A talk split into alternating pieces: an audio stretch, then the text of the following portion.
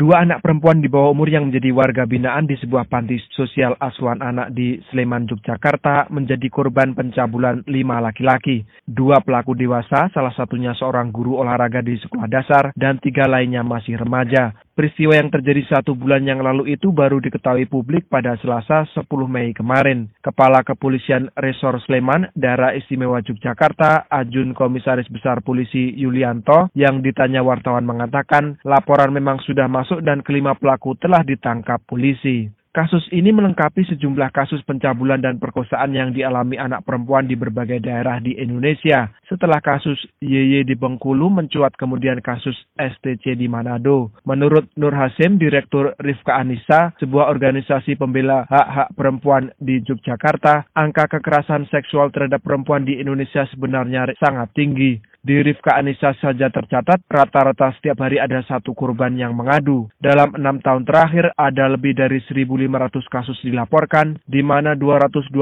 merupakan kasus perkosaan dan 127 merupakan kasus pelecehan seksual. Jumlah faktual di masyarakat diyakini jauh lebih tinggi karena masih ada keengganan bagi perempuan untuk melaporkan kasus perkosaan atau pelecehan seksual yang dialaminya. Alasan utamanya adalah karena dalam proses hukum, perempuan akan kembali menjadi korban untuk kedua kalinya kasus-kasus kekerasan ini cenderung disimpan atau ditutup oleh korban ya karena dianggap sebagai aib. Selain persoalan tabu-tabu juga persoalan sosial sistem atau dukungan sosial yang tidak tersedia bagi korban di dalam masyarakat karena budaya perkosaan atau rape culture yang kuat di dalam eh, masyarakat kita yang eh, tendensinya adalah menyalahkan korban atau blaming the victim.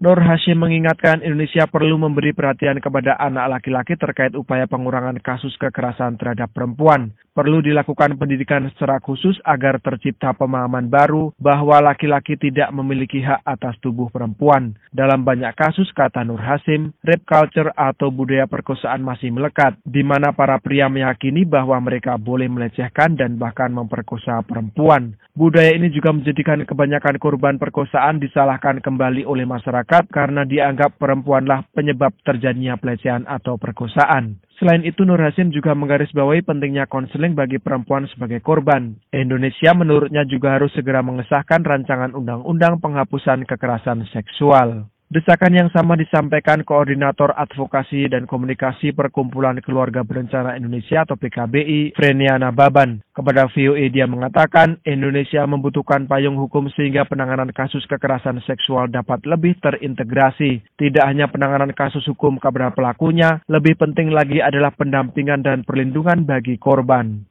Padahal kita sudah berkali-kali mengingatkan pemerintah. Ini dulu undang-undang kekerasan seksual, perlindungan korban, keadilan bagi korban, jatuhkan hukuman minimal buat pelaku. Bila pelaku di bawah umur, berikan rehabilitasi supaya dia tidak mengulangi lagi perbuatannya. Itu sebenarnya yang kita mau putus rantai kekerasan seksual itu yang harus kita putus.